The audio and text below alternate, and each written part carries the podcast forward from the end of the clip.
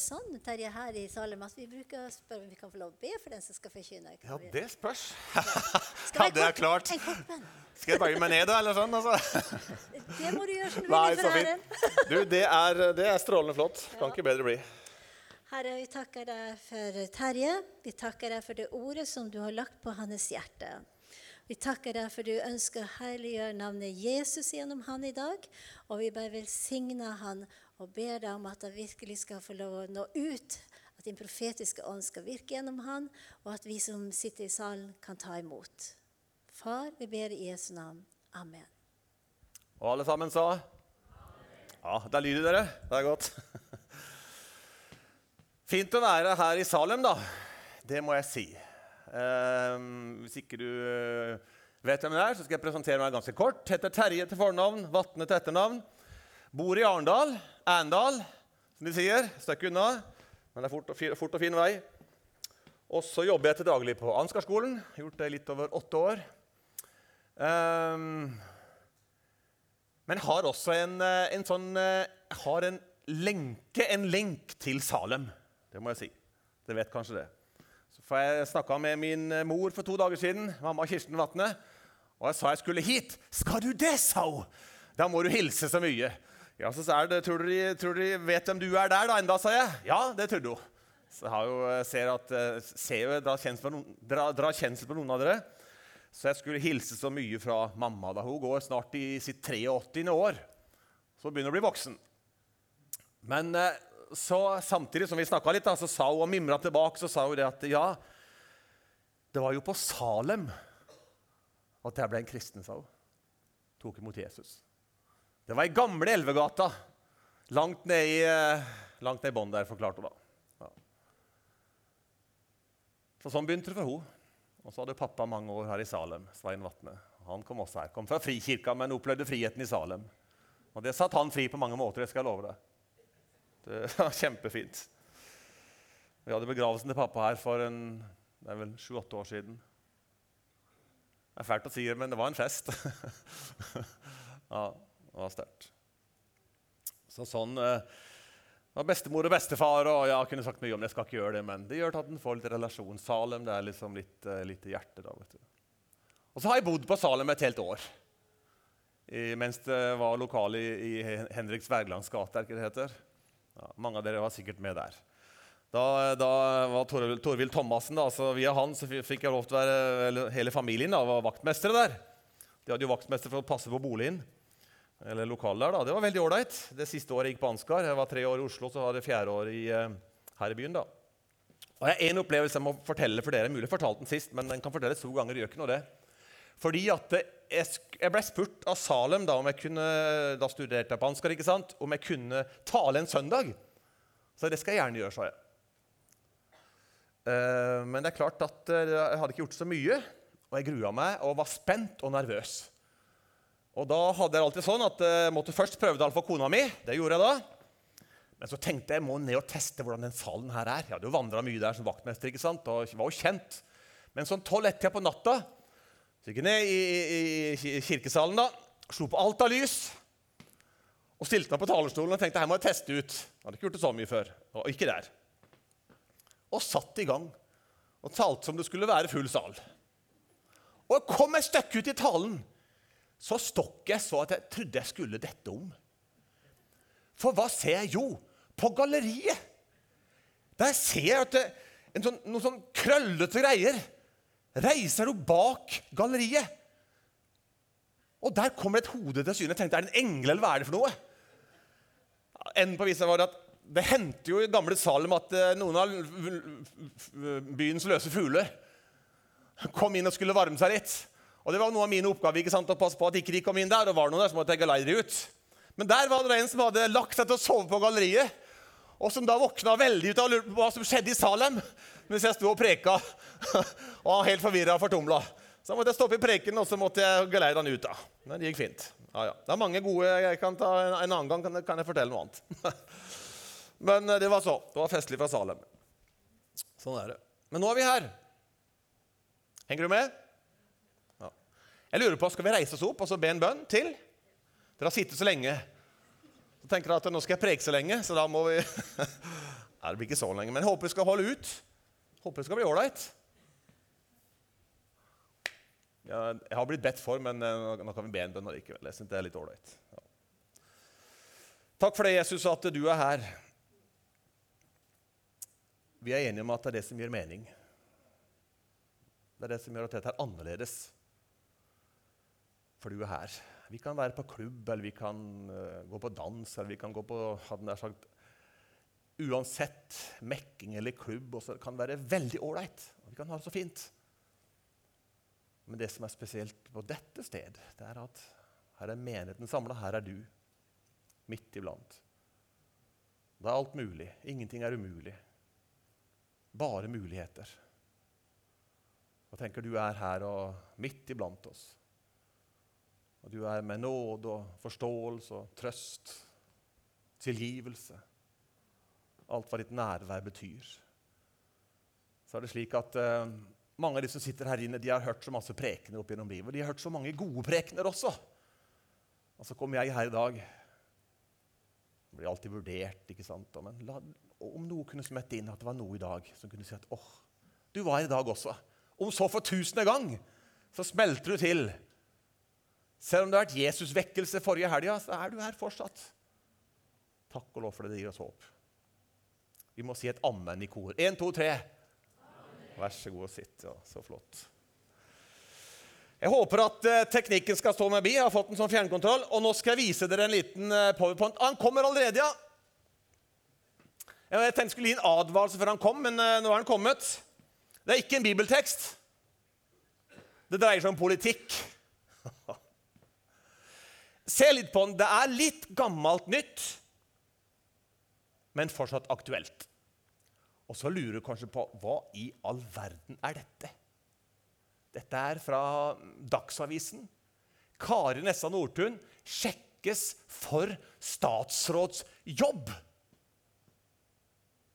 Hva har dette å gjøre på en gudstjeneste, da? Hva kan dette dreie seg om? Ja, Nå får du ti sekunder å tenke litt.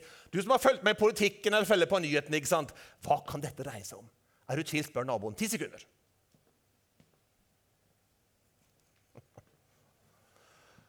Ja, nå ble det stille. Ja, ja. Som sagt, litt gammelt nytt der, men du som har fulgt med i nyhetsbildet, vil nok ta den her. Saken er den at på det tidspunktet her, det var vel sånn rundt oktober, eh, så var det tid for utskiftninger i regjeringa. Husker du det? En ny person, eller var for så vidt flere, som var på vei inn. Og en av disse da, som ble vurdert, det var hun eh, Kari Nessa Nordtun. Som statsråd. Husker du grunnen? Det har jo vært noen sånn små skandaler, kan vi si det sånn? Uten at vi skal være for politiske her, men det har vært noen sånne skandaler i regjering og blant, eh, blant statsråder som gjorde at statsminister Støre han måtte gjøre noen endringer. ikke sant? Ja, Vi kan nevne stikkord som habilitet, kanskje. Aksjer.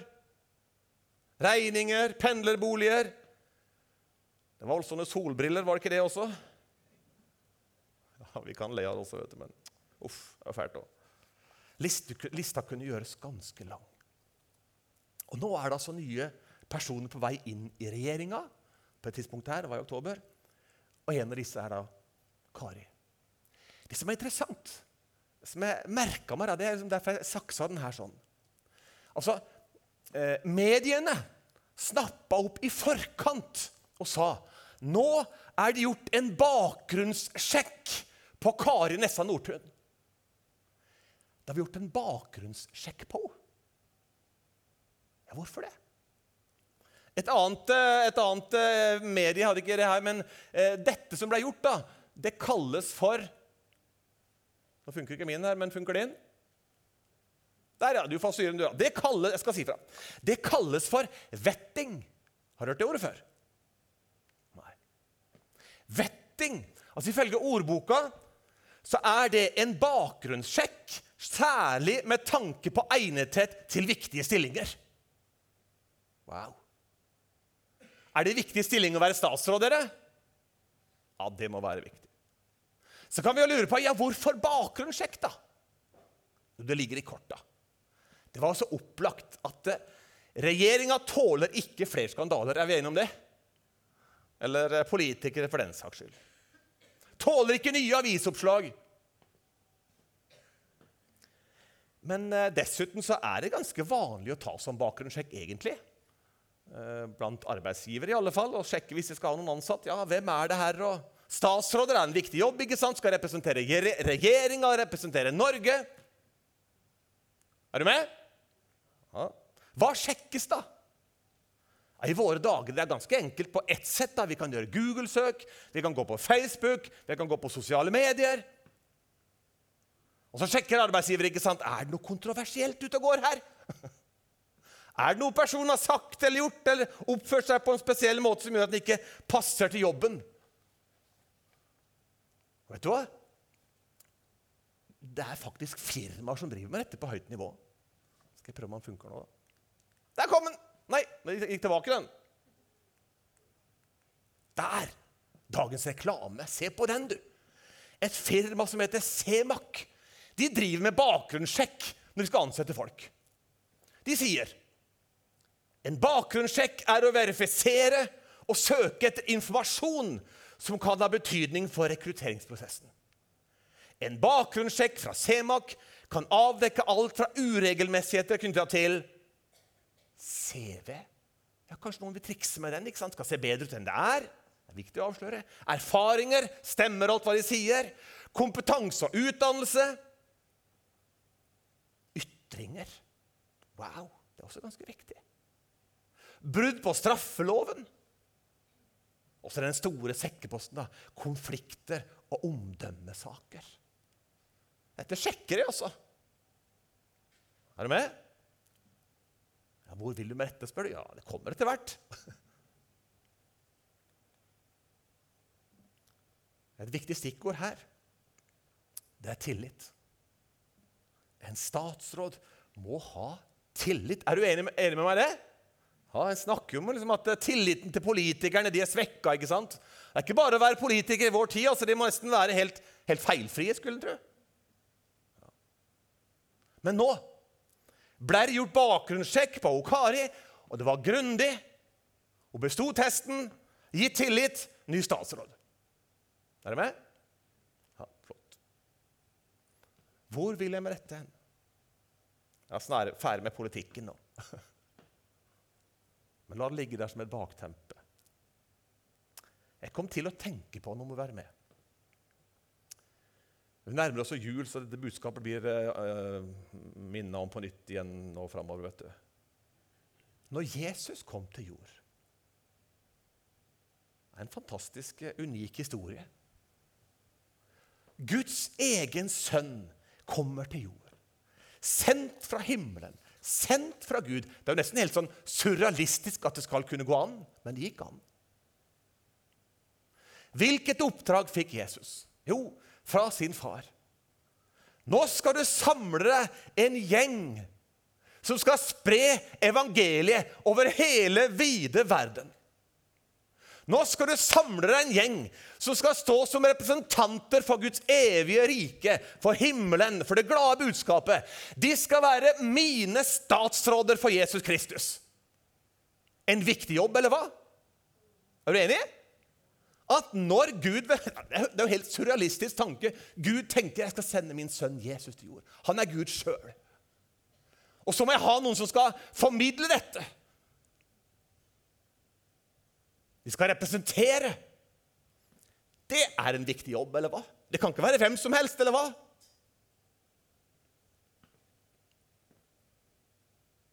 Er du med?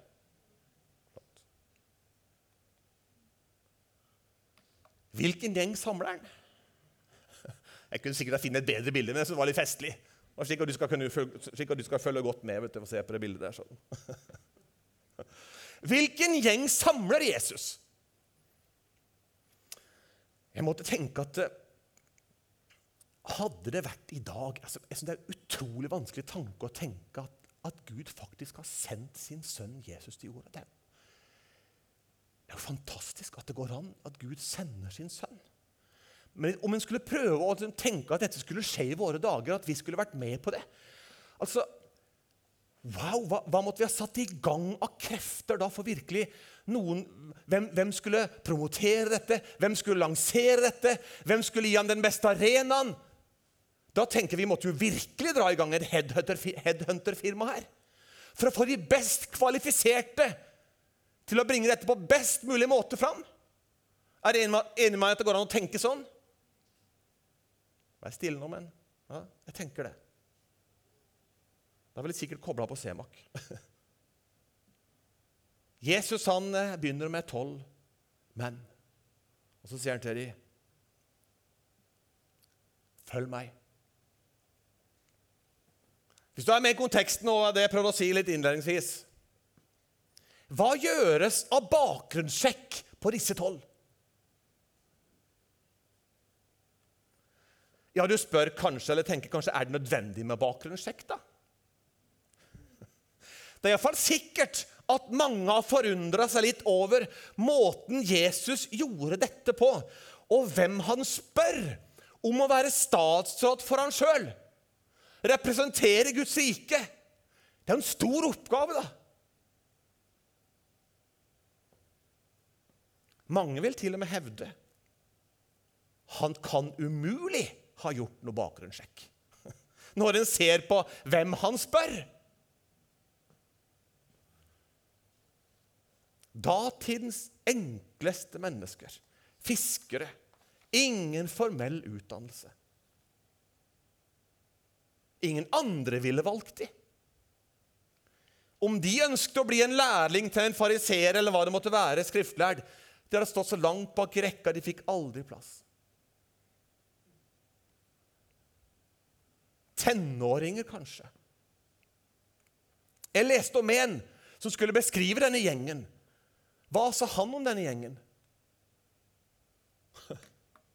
Han kalte de for en spesialklasse med særskilte utfordringer.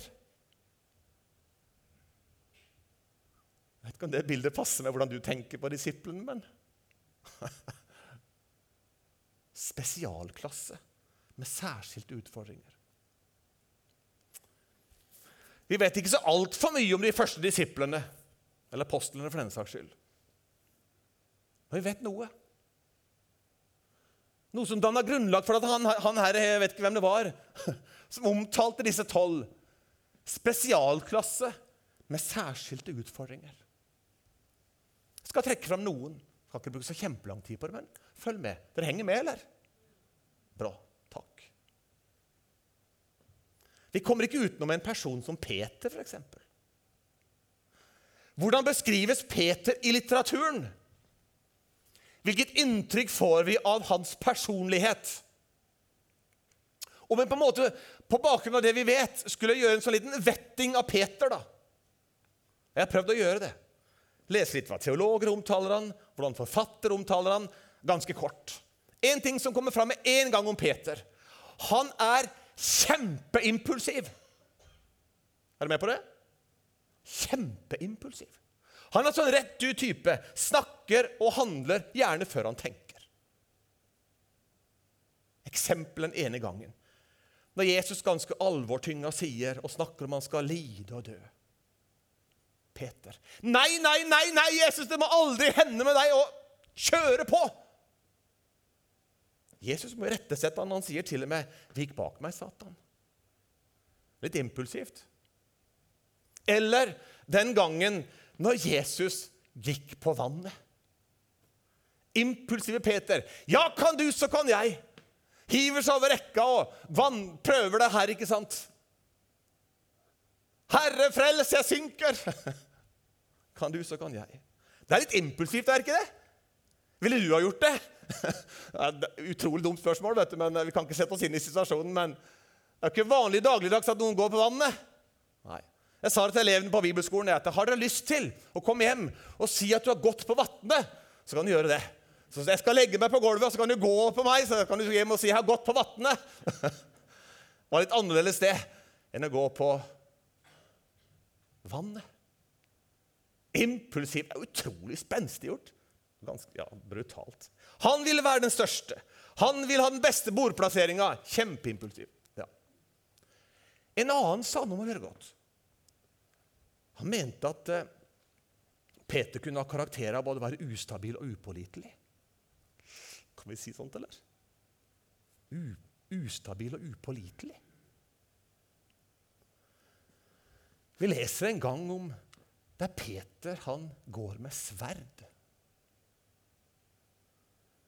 Når de skulle ta Jesus, da tar han faktisk og hogger øret av en soldat. gjorde han ikke det? Han blir redda av Jesus, som eh, setter det på plass igjen. Det er ganske impulsivt, eller hva? Eller i det ene øyeblikket har kjempestore bekjennelser. 'Du er Messias, den levende Guds sønn.'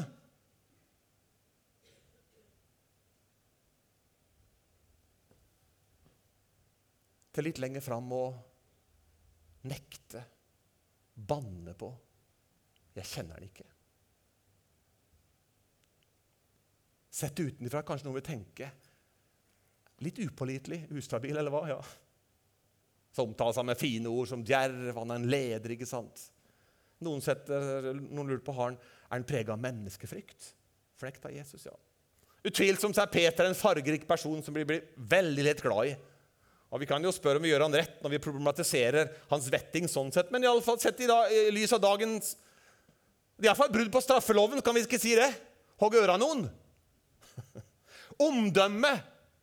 Snakke før han tenker. Upålitelig. I møte med de lærde, vet du det, i apostelens gjerninger, det omtales Peter som ulærd og legmann.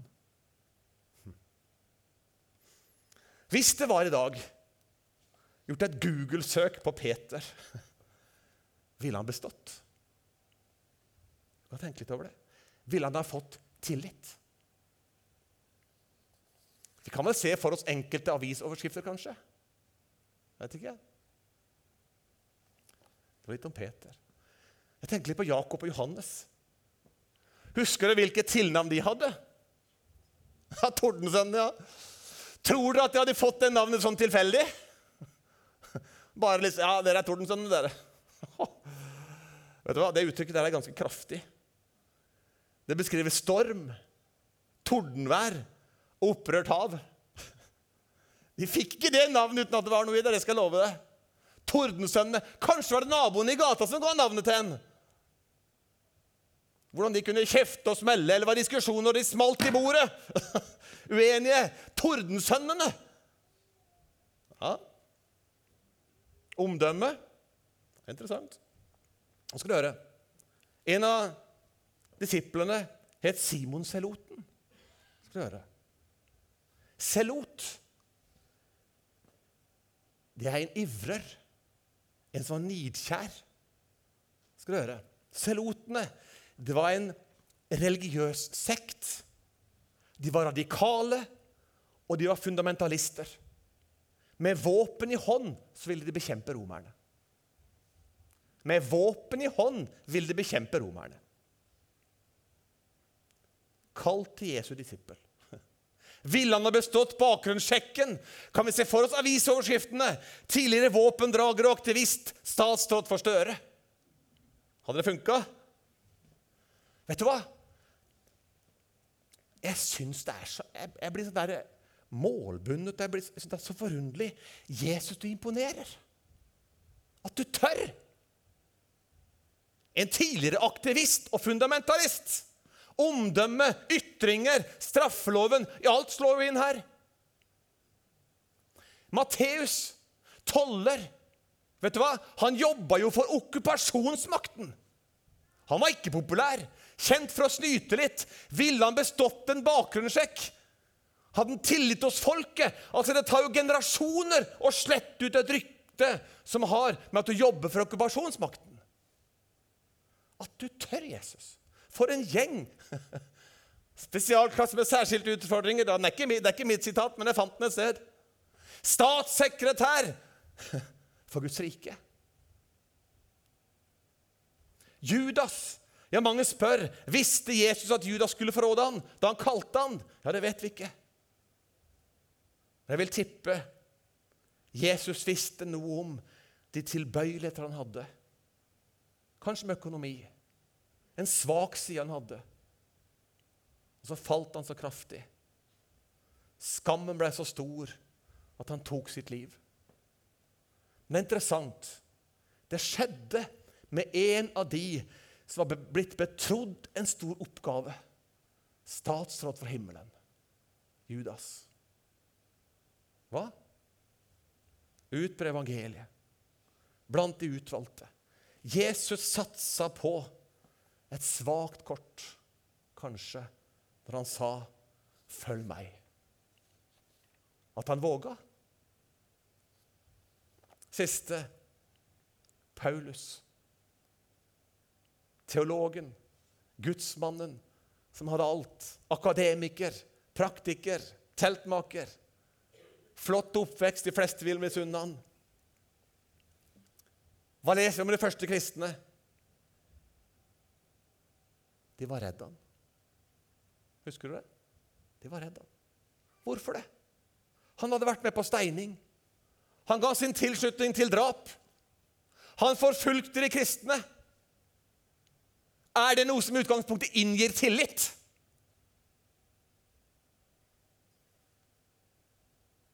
Henger det med?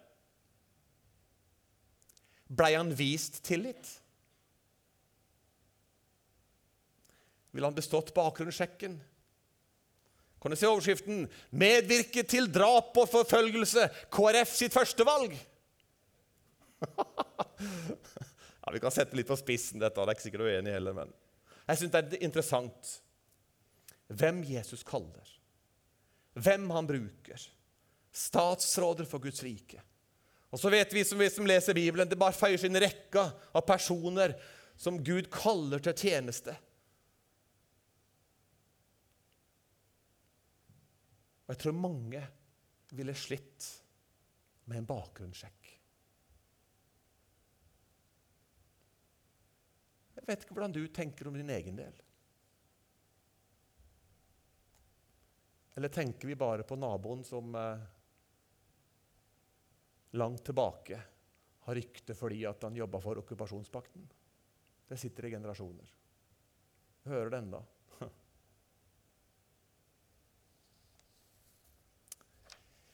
Ja, hvordan er det med deg og meg og vårt liv? Noen vil kanskje si at ja, samfunnet var annerledes da.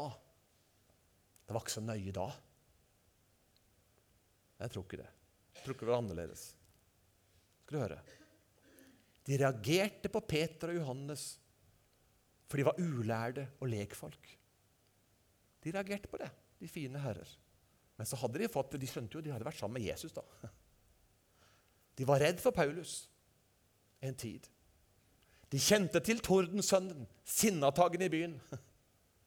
De reagerte på Jesus og sa, 'Er ikke han tømmermannens sønn?'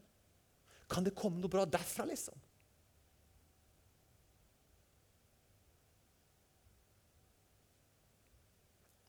Reagerer på Jesus som gikk sammen med tollere og syndere. De valg Jesus gjorde, de reagerte på det. En ting som jeg vil si, som jeg syns er viktig, nå skal du høre det, må du merke det. En ser tydelig at de Jesus viser tillit, de han kaller, det skjer noe med dem. Har du lagt merke til det? Prøv det. Vis noen tillit, og se hva som skjer med dem. Vis noen tillit, og se hva som skjer. Jeg skal få se en sånn liten eh, forskning ja, på tillit. Jeg måtte se litt på det. Forskning viser det at når du gir noen tillit, så gir det engasjement. Kan du kjenne deg igjen i det? Gi noen tillit. Det gir engasjement. Det gir innsatsvilje. Det gir grunnlag for læring. Det gir lettere konfliktløsing. Ja, det gir grunnlag for godt samarbeid. Forsøk å gi noen tillit og se som de blomstrer. Er du enig med meg i det? Ja, takk. Jesus viser mennesket tillit. Må vel kunne si det. Når han møter dem, og så vandrer han der som Guds sønn av Gud sjøl. Og så treffer han på fis fiskere, og så sier han til dem, du, følg meg, da. Følg meg. Jeg tror ikke vi aner radikalt det var, for ingen andre ville jo ha de som disipler.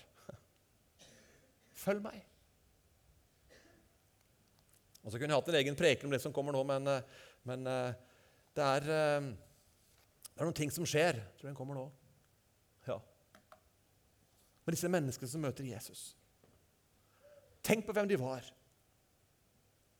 De blir utrusta til tjeneste. Kanskje må vi si mot alle odds. De blir brukbare, disse tolv. De får kvaliteter. De viser hva de har. Det funker. De vokser. De er frimodige. De blir skribenter. De blir menighetsledere. De blir verdenskjente. Er det ikke flott? Og så ser vi også som det skapes en sterk relasjon. Disse som møtte Jesus, disse enkle menneskene. da. Det ble en sånn sterk relasjon for dem at de var villige til å dø for det. Paulus i 2. Timoteus han sier, 'Jeg skal nå ofres. Tiden er inne da jeg skal bryte opp.' 'Jeg har stridd den gode strid, fullført løpet og bevart troen.' Så ligger rettferdighetens krans ferdig for meg, osv. Tiden er inne, jeg skal ofres. Villig til å dø for dette. I utgangspunktet litt sånn crazy gang. Livene blir forandra på dem. Så er de villige til å dø for det. Simon Seloten, hørte du han? Som eh, var villig til med våpen i hånd til liksom å ta vekk Romerriket. Han ble saget i to, fortelles det. Det fortelles om Jakob. Han skulle bli halshogd.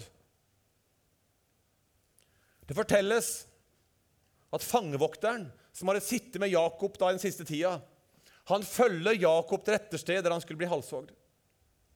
Idet Jakob kneler ned for å skulle bli halshogd,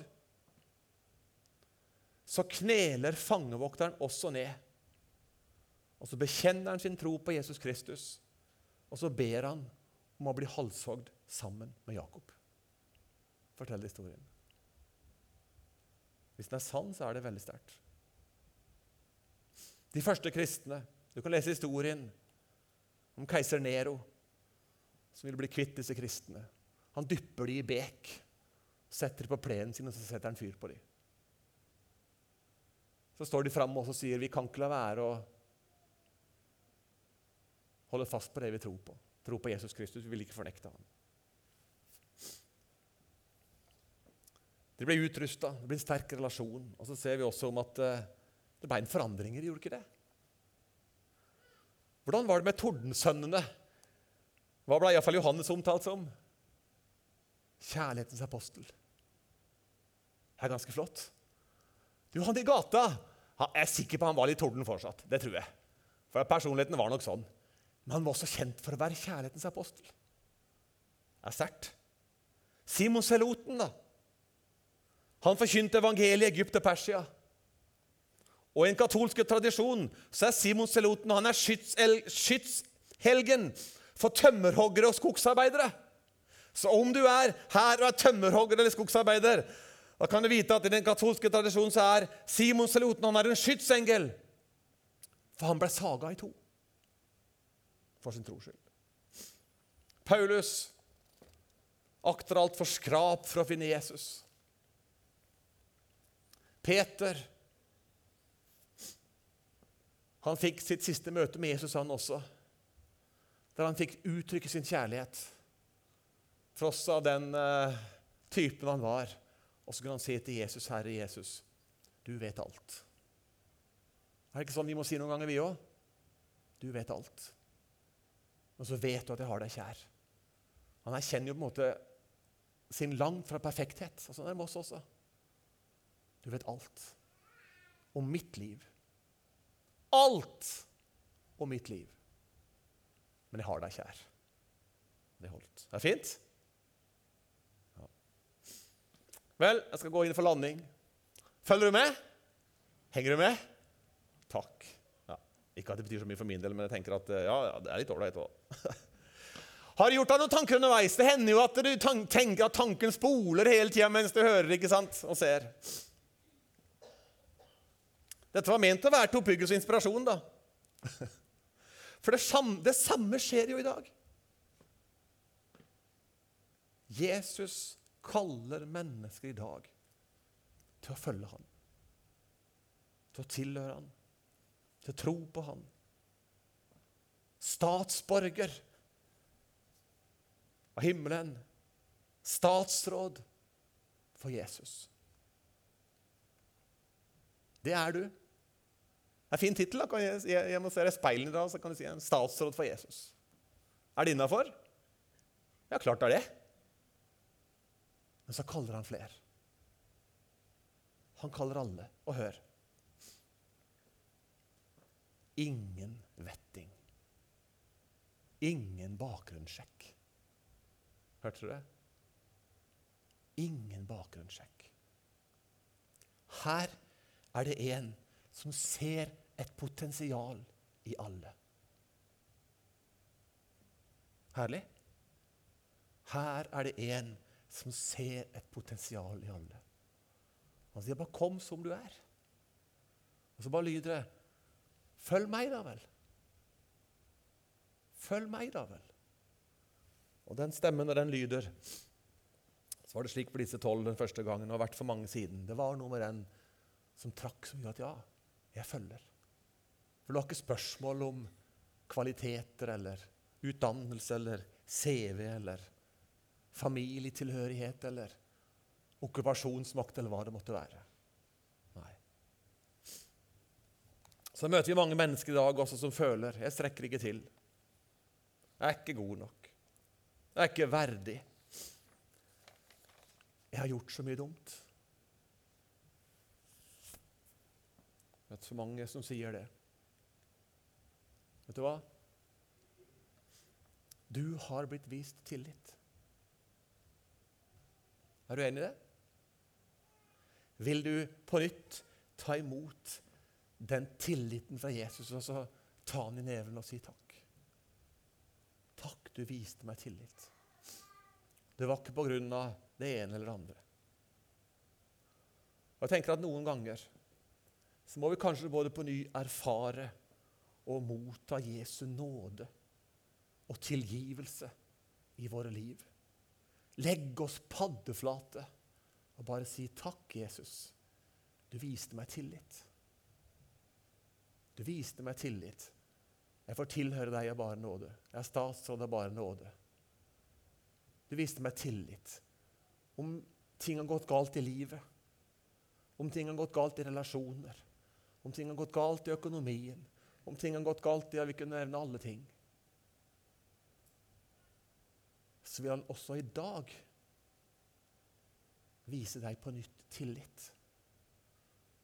Og si skal du ikke følge meg på nytt igjen i dag, da? Skulle vi ikke freshe opp noe i dag igjen? Jeg vil gi deg tillit i dag. Helt til slutt så skal du få en, eh, et bilde. Jeg skal oppsummere talen med noen vers av Paulus. Det står 1. Timoteus 1, 12-15.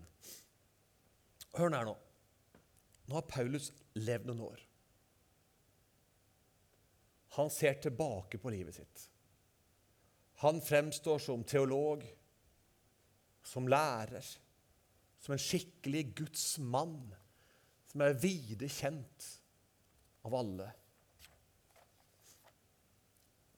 Nå skal du få 30 sekunder til å lese teksten som kommer. Det står nemlig noen prikk, prikk, prikk.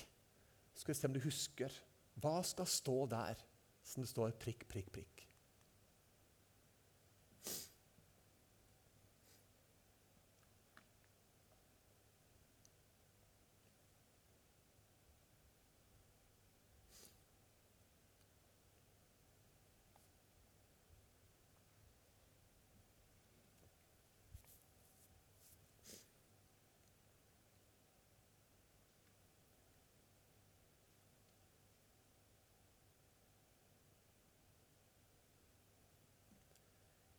Henger dere med, Salem?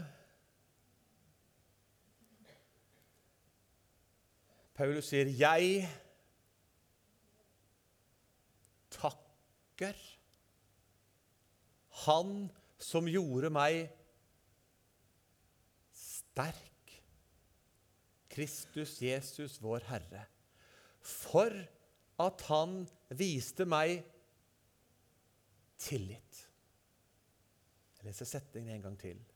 For at han viste meg tillit, sier teologen og gudsmann Paulus, og satte meg til tjenesten.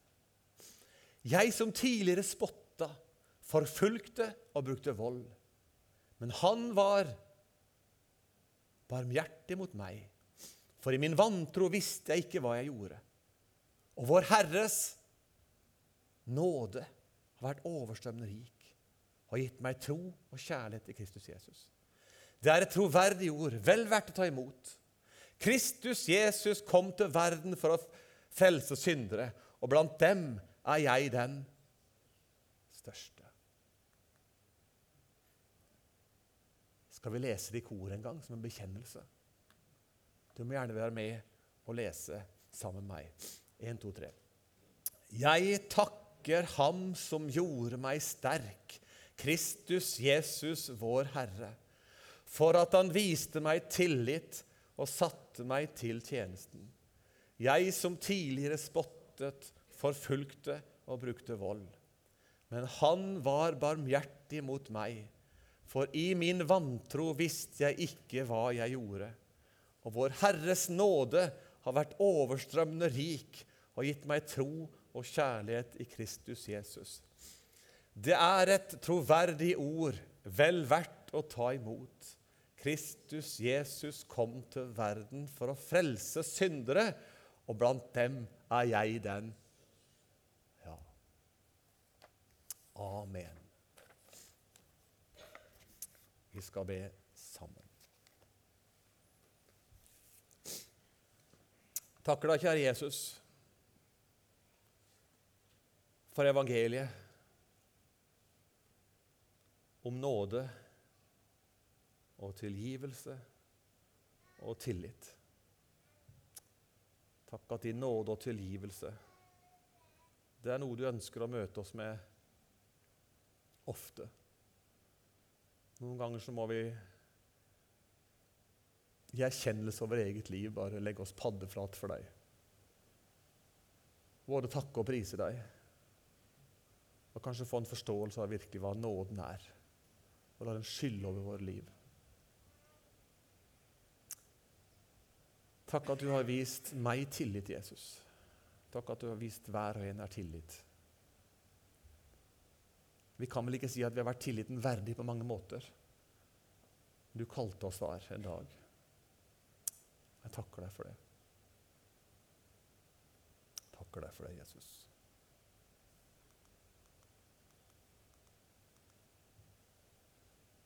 Spesialklasse med særskilte utfordringer. Syns dere det var å dette langt ned? Jeg vet ikke. Jeg kjenner at uh,